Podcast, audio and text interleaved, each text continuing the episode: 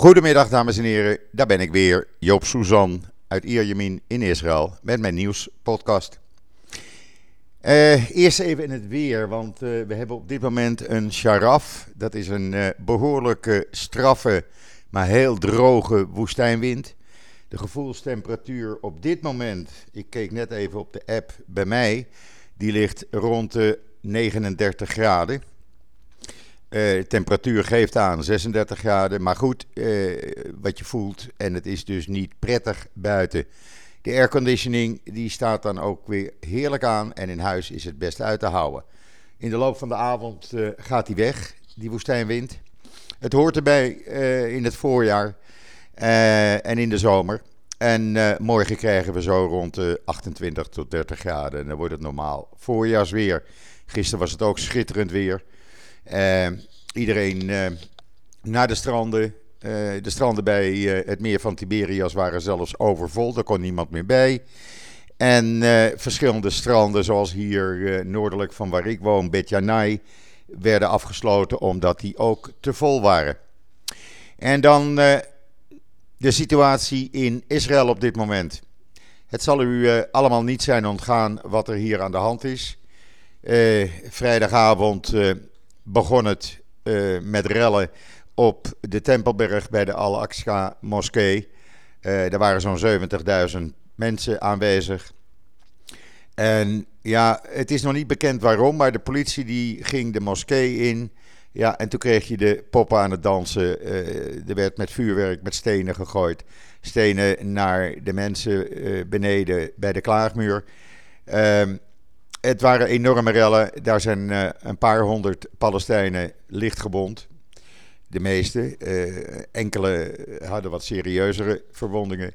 Maar er waren ook een twintigtal politieagenten die gewond raakten, waarvan een paar ernstig. Gisteren escaleerde het weer. De politie had een, ja, een, een, een controlepost opgezet op de weg Tel Aviv-Jeruzalem, op de snelweg. En er kwamen tientallen bussen uit Noord-Israël met Arabieren die naar de Tempelberg wilden om te gaan bidden. Het was gisteravond uh, een van de belangrijkste Ramadan-gebedsavonden. Uh, en uh, ja, die bussen werden stopgezet. Wat deden de mensen? die gingen uit de bussen en die gingen 18 kilometer lopen naar Jeruzalem in de hitte. Gevolg was dat het verkeer van en naar Jeruzalem uh, stil kwam te staan op de snelweg gedurende drie, ruim drie uur. Die chaos was pas gisteravond uh, in de loop van de avond opgelost. Uh, en gister, ook gisteravond braken er natuurlijk weer rellen uit. Niet alleen in Jeruzalem, maar ook eh, aan de grens met Gaza, waar zo'n 450 Palestijnen demonstreerden. Met vuurwerk gooiden, met explosieven gooiden. Uh, er werd een raket afgeschoten richting Zuid-Israël. Die kwam in on onbewoond gebied na, neer. Uh, militairen, de IDF, uh, eh, schoot terug. ook met, hoe noem je dat, luchtgranaten, lichtgranaten. Ehm, en dat was een hele toestand. U kunt het allemaal zien op video's die op israelnieuws.nl staan. Bij de artikelen. Um, ik wil daar even bij, uh, een toelichting bij geven. Want het komt niet zomaar uit de lucht vallen, deze rellen. Er zijn twee redenen voor. De eerste reden is dat het uh, meneer Abbas wel goed uitkomt. U weet, hij heeft enige tijd geleden besloten de verkiezingen die voor deze maand gepland stonden niet door te laten gaan. Daar gaf hij Israël de schuld van. Uh, de waarheid is echter anders. Het kwam uh, Abbas niet goed uit om die verkiezingen nu te houden. En waarom niet? Omdat de invloed van Hamas enorm groot is geworden op de Westbank. Die hadden dan op hun sloffen, zeg maar, de verkiezingen kunnen winnen. Nou, dat wil uh, Abbas natuurlijk niet, want hij wil dat hij of zijn uh, partij, de PLO, aan de macht blijft. Um, dus die rellen die komen hem wel goed uit. Hij, uh, hij stookt het vuurtje ook nog een beetje op. En daarnaast hebben we natuurlijk Hamas en Isla Islamic Jihad. Die ook uh, de boel nog een beetje opstoken. Die mensen oproepen zoals ze vrijdagnacht deden en gistermorgen. kom in grote getalen naar de Al-Aqsa moskee. Nou, gisteravond waren dat er zo'n 90.000. dan zit het er dus dik in dat je rellen krijgt. Daarnaast speelt er ook nog wat anders. Ik heb van de week een uitleg op israelnieuws.nl gezet over wat er aan de hand is in Sheikh Jarrah. Dat zijn uh, mensen die uh, al sinds de staat uh, werd opgericht in 1948 illegaal in huizen wonen. Het zijn viertal gezinnen. Daar heeft een rechtse groepering een zaak tegen aangespannen. Want die rechtse groepering, het zijn rechtse orthodoxe joden, die, die bouwen daar in die wijk allemaal huizen en die willen zoveel mogelijk joden in die wijk vestigen. Nou heb je twee dingen. Je hebt je recht maar je hebt ook de, uh, laten we zeggen, huidige situatie. En uh, je kan je recht wel nemen. En juridisch staan ze misschien wel in hun recht dat die mensen illegaal wonen. Maar in de praktijk ligt dat natuurlijk anders. Die mensen wonen daar ruim 70 jaar. Ja, dan kan je natuurlijk als rechtbank zeggen: oké, okay, je moet eruit, want recht is recht. Maar je kan ook zeggen: we kijken naar de situatie en vier families dat is niet zo urgent dat die eruit uh, gezet moeten worden. Nou moet het Hoge Rechtshof morgen een uitspraak doen. Men probeert aan alle, alle kanten om die uitspraak uh, uit te stellen. Omdat het morgen ook Jeruzalemdag is. Wat opnieuw de gemoederen zal doen oplaaien.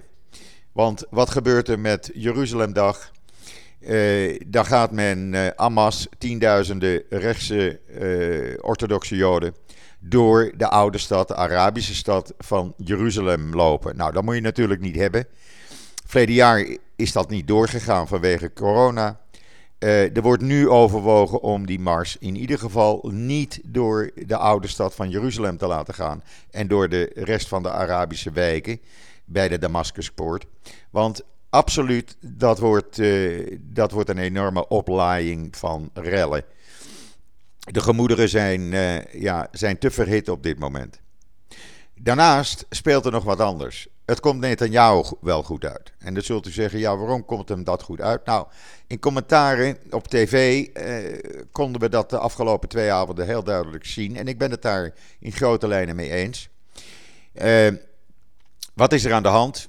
Het uh, gaat erop lijken dat er mogelijk deze week al een nieuwe regering is. Dat betekent het einde van het Netanyahu-tijdperk. Uh, de afgelopen dagen zijn uh, loyale Knessetleden van de Likud-partij op instigatie van de Likud de partijleden van de partij, de rechtse partij van Bennett, persoonlijk aan het benaderen van joh, stap uit die partij, kom naar de Likud. Dan kan er in ieder geval geen linkse regering komen. Nou, linkse regering wordt het niet. Het zal een centrumregering worden waar rechtse partijen, centrumpartij Lapid en twee linkse partijen van deel uitmaken samen met Lieberman en mogelijk de Arabische Ra'am-partij, waar Netanyahu ook medewerking van zocht. Maar het komt Netanyahu wel goed uit. Afgelopen donderdagavond ging meneer Ben-Gvir, een coalitiepartner en een extreem rechts uh, Knessetlid, coalitiepartner van Netanyahu, ging zogenaamd in een markstal in Sheikh Jarrah een, uh, een bureau openen. Nou, dat veroorzaakte, zoals verwacht, natuurlijk grote rellen. Er werd gevochten. Uh, uiteindelijk heeft die, die uh, markstal opgedoekt en is politie daar aanwezig gebleven. Eh, dat doe je niet. Je gaat niet nog meer olie op het vuur gooien. Maar Netanyahu komt dat goed uit, want die heeft zoiets van: weet je wat, als ik dan toch na twaalf jaar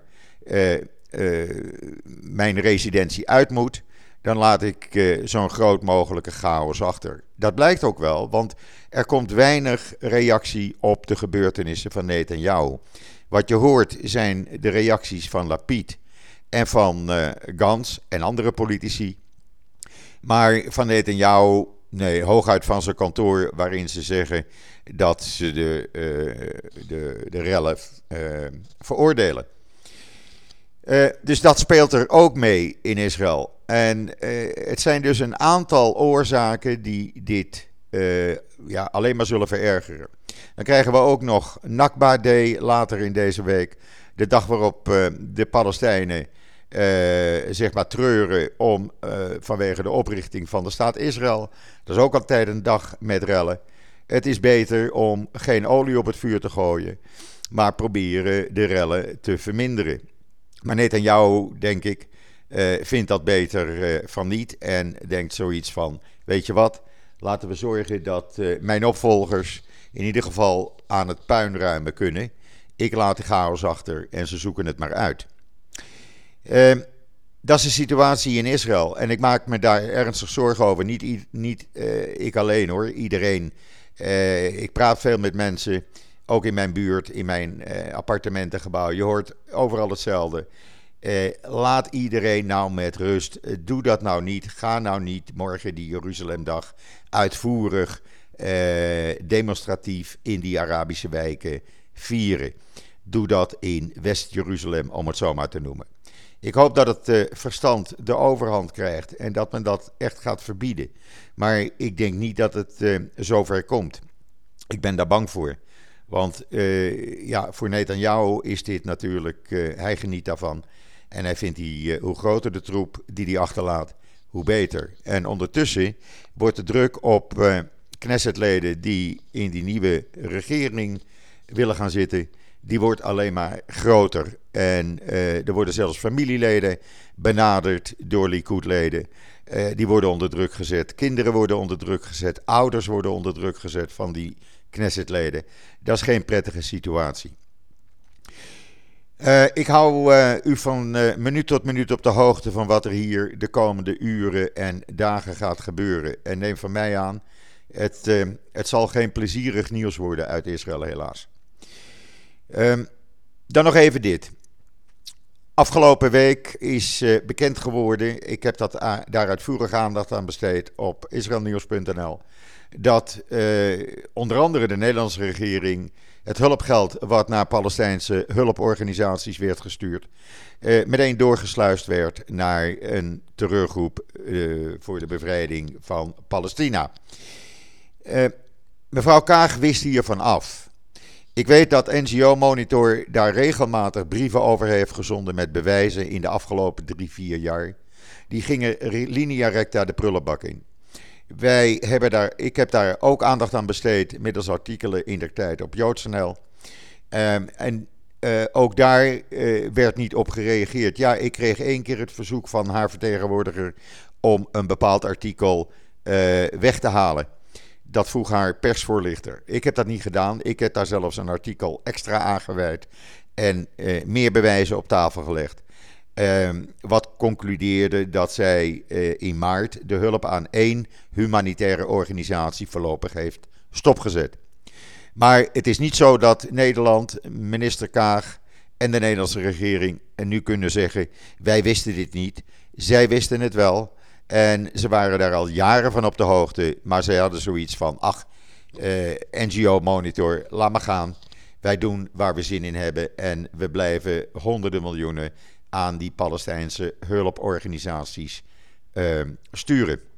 Die dan werden gebruikt voor terreuraanslagen, uh, voor de aankoop van wapens, et cetera, et cetera.